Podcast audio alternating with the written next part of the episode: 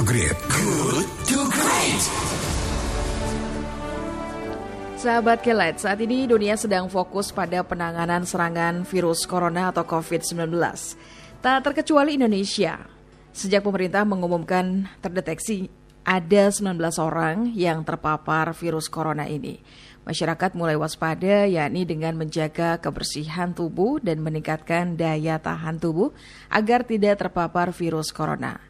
Dalam program Talkshow TV One pada Rabu tanggal 4 Maret lalu, Dr. Ati Widya Waruyanti, ahli herbal dari Universitas Erlangga Surabaya, menuturkan bahwa untuk meningkatkan kekebalan tubuh di antaranya dengan mengkonsumsi keluarga rimpang atau yang akrab disebut empon-empon, seperti wedang jahe, kunyit, kencur, ataupun temulawak sahabat kilat.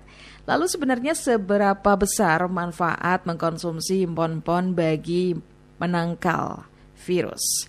Berapa takarannya agar bisa menjadi stimulan dan apakah rempah-rempah ini dapat menangkal virus corona? Dan sahabat kalian kita akan simak obrolannya dengan ahli herbal dari Universitas Erlangga Surabaya yaitu Dr. Ati Widya Waruyanti.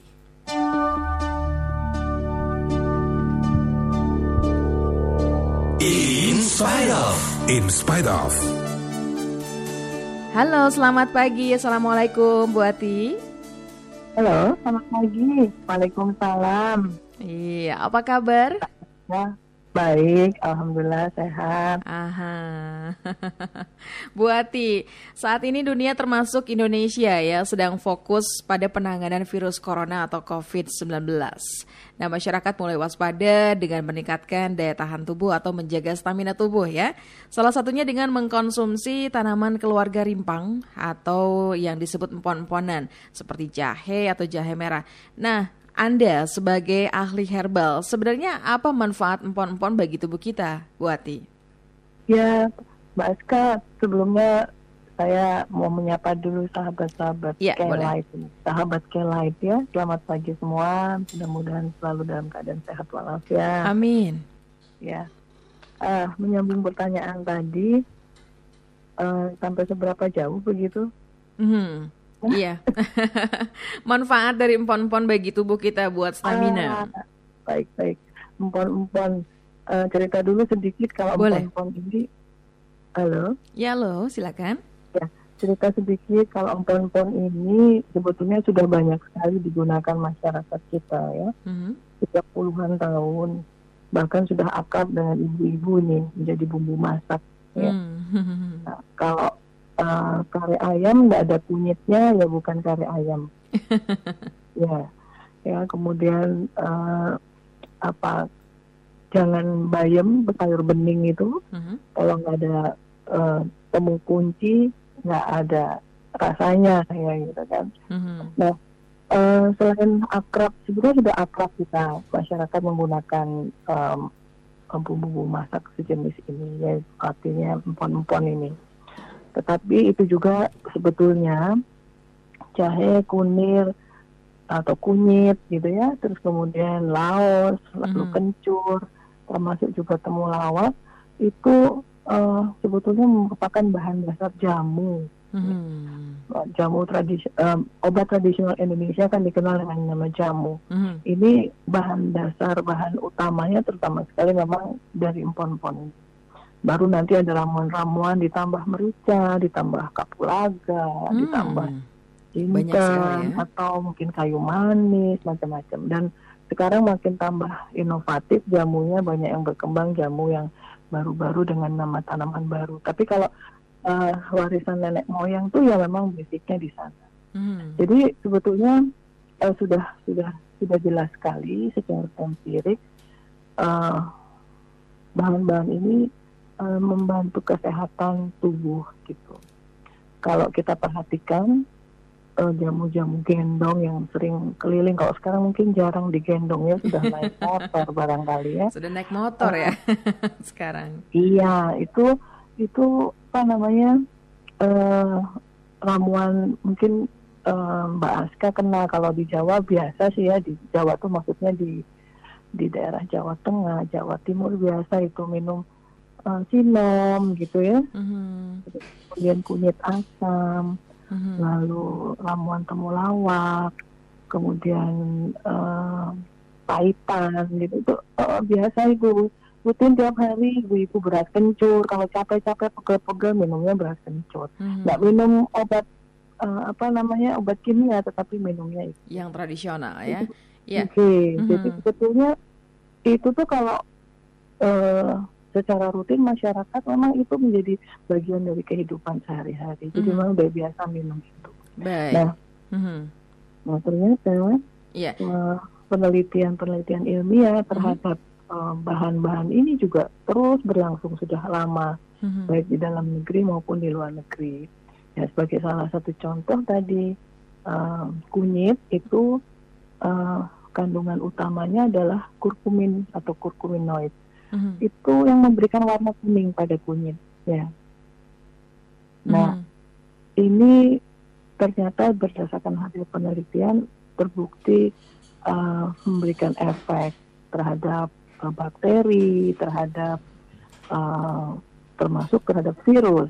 Ya, beberapa hasil menunjukkan bahwa eh, kurkumin ini efektif untuk virus influenza, Mhm. ya virus flu burung kemarin juga pernah dicoba, begitu Ah, kemudian iya, iya, termasuk iya. Mhm. HIV ya, Hmm. virus HIV juga efeknya ada. Tetapi itu kan memang risetnya baru di dalam skala laboratorium. Aha. Jadi terhadap kultur sel virus sendiri atau kultur sel bakteri. Mhm. Jadi belum pernah dicobakan kepada manusia yang sakit virus HIV diberikan kurkumin gitu bagaimana hasilnya nah, memang belum clinical trial istilahnya ya Mhm.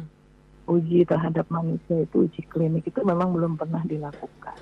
Jadi Oke. memang baru tahapan terhadap eh, apa namanya eh, kultur sel di laboratorium secara in vitro. Jadi Baik, itu memang baik. kalau untuk menjadi obat antivirus itu panjang ceritanya ya. Jadi Iya. harus penuh apa banyak sekali penelitian yang harus Harus dilakukan. ada penelitian lagi lebih lanjut ya Bu Ati ya. Ini apa bedanya Iya. dengan rempah-rempah eh, jenis empon-empon apa juga nih yang bisa di eh, ditemui dengan mudah di lingkungan warga. Jadi bedanya empon-empon dengan rempah-rempah ini apa?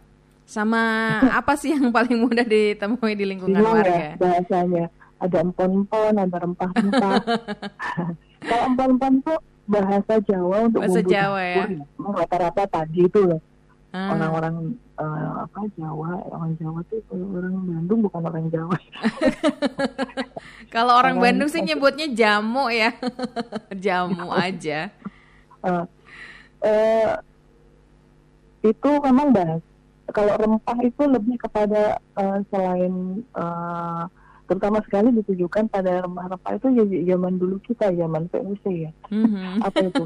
Pala, Lebih ke Oh, bumbu masak mungkin ya. merica gitu kan, naik kapulaga. Aha. itu rempah ya tapi kalau kalau kunyit jam eh, itu memang termasuknya empon-empon atau rimpang gitu. Ah, jahe, Rempah-rempah kunyit gitu ya. kepada eh, jadi Hmm. yang kita sampai dijajah itu kan karena cengkeh dan pala kita itu kan Mhm. rempah-rempah. Mhm. Eh, Oke. tapi sebetulnya itu semua kalau kita telusuri penelitian itu semua ada khasiatnya Mhm. memang kalau untuk dipakai di jamu itu. Nah, eh, saya rasa eh, selain sebagai antivirus artinya secara in vitro begitu, eh, sebetulnya eh, penelitian terhadap eh, khasiat dari empon-empon ini untuk peningkatan daya tahan tubuh itu juga banyak dilakukan dan hasilnya ya bagus gitu. Jadi nggak salah kalau kalau eh, masyarakat sejak zaman dahulu menggunakan eh, empon-empon ini untuk eh, bahan jamu ya untuk meningkatkan kesehatan itu nggak salah dan ternyata memang ber- ter- terbukti gitu loh. Mhm. Jadi eh, hanya saja syaratnya minumnya harus rutin gitu. Jadi nggak boleh minumnya tuh Sesekali. sekali setahun sekali gitu minumnya kalau pas lagi ada musim virus. Itu se, Gitu. se sehari virus bisa ya. berapa kali Bu Ati? Eh, biasanya sih rutin, eh, kalau rutin itu cukup misalnya minumnya satu gelas sehari saja. Satu gelas sehari. 40 mili ya. Hmm. Jadi rutin eh, pagi atau Mhm. rutin di sore minumnya kayak seperti misalnya ramuan yang paling enak sih uh, enak dan menyehatkan itu dan termasuk uh, membantu kita untuk meningkatkan uh, daya tahan tubuh itu Mhm. adalah seperti ramuan kunyit asam itu enak itu Iya, rasanya. itu Ya. saya setiap pagi minum buat. Nah, itu enak sekali itu. Iya. Apalagi uh, kalau mau agak kadang-kadang ada yang nggak suka rasanya Mhm. sehingga ya itu tadi light lagi rasanya. Jadi di, di dikurangi kunyitnya sehingga nah itu mungkin juga kalau untuk sekedar minuman minuman uh, minuman-minuman yang menyegarkan sih nggak apa-apa tapi kalau untuk menjadi obat rasanya mungkin kurang ya dosisnya. Jadi memang rata-rata sih kalau kita lihat ramuan-ramuan tradisional itu mereka menggunakan istilah ruas jari ya kalau rimpang itu dilihat dari ruas jari Mhm. ada dua sampai tiga ruas jari dengan eh, kunyit yang agak besar begitu nah Mhm. itu bisa diparut bisa dirajang terus bisa direbus atau diseduh kalau rajangan harus digodok ya Mhm. Oke, tapi kalau kalau parutan bisa langsung diseduh dengan air panas baik. Bu Ati, kan akhir-akhir akhir, akhir ini warga dipicu dengan virus corona nih yang eh, begitu happening berit pemberitaannya di media. Hmm, Dan- kita nah, harus waspada ya Iya, ini di warung atau di kedai rempah kini antusiasme warga dalam mengkonsumsi minuman eh, empon-pon ataupun jahe ini meningkat ya. Nah ini sebelumnya Betul, betul. antusiasme warga dalam mengkonsumsi herbal bagaimana sebelumnya?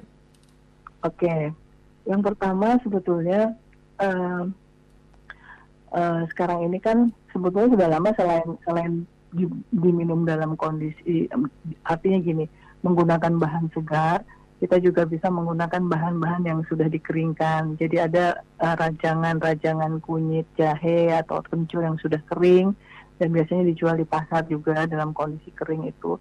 Itu juga bisa digunakan begitu. Cuma memang harus hati-hati. Kadang-kadang kalau di pasar itu mungkin sudah lama, terus penyimpanannya kurang baik, sering kali sudah ada jamurnya. Nah itu yang nggak boleh diminum. Nah memang eh, kalau mau agak repot sedikit ya harus mau eh, pakai yang segar itu mungkin lebih baik karena fresh ya langsung di eh, kita kita apa kita olah langsung kita minum Mhm. gitu. Iya. Nah, untuk yang eh, artinya yang segar ini memang kalau misalkan seduhan itu biasanya minumnya ya sehari itu saja. Jadi parut, seduh, kemudian mungkin tambahkan sedikit madu atau jeruk nipis atau apalah yang supaya agak agak apa agak rasanya bisa diterima begitu. Mhm. Nah, eh, apa namanya eh, itu cuma bisa satu hari itu. Tapi kalau misalkan digodok, ya dirajang, digodok, mungkin bisa bertahan 2-3 hari, apalagi kalau disimpan di kulkas gitu. Baik. Cuma memang hati-hati. Iya. Eh, kalau misalnya terutama sekali eh, ramuan-ramuan jamu yang sudah jadi yang dijual di pasar, sudah jadi itu akhirnya apakah itu tinggal minum gitu atau memang eh, eh, ramuan serbuk yang tinggal seduh, serbuk kering, nah itu itu eh, apa kita harus waspada kepada kandu- em, komposisi kadang-kadang mohon maaf namanya juga orang jualan ya Mhm. Nah, itu bahan-bahannya kadang-kadang ditambahkan eh, bahan-bahan yang eh, Tidak diperlukan ya. dibilang, eh, eh, bukan cuma Jadi tidak, seram, jadi eh, bukan serampangan cuma- gitu ya bu ya. betul yang yang terutama sekali kan kebetulan eh, apa namanya banyak sekali informasi yang menyatakan bahwa jamu-jamu di pasaran yang sudah jadi ataupun dalam bentuk serbuk itu sering kali ditambahkan bahan-bahan tambahan zat kimiawi Iya, gitu. itu Nah, bahaya yang, ya. nggak boleh.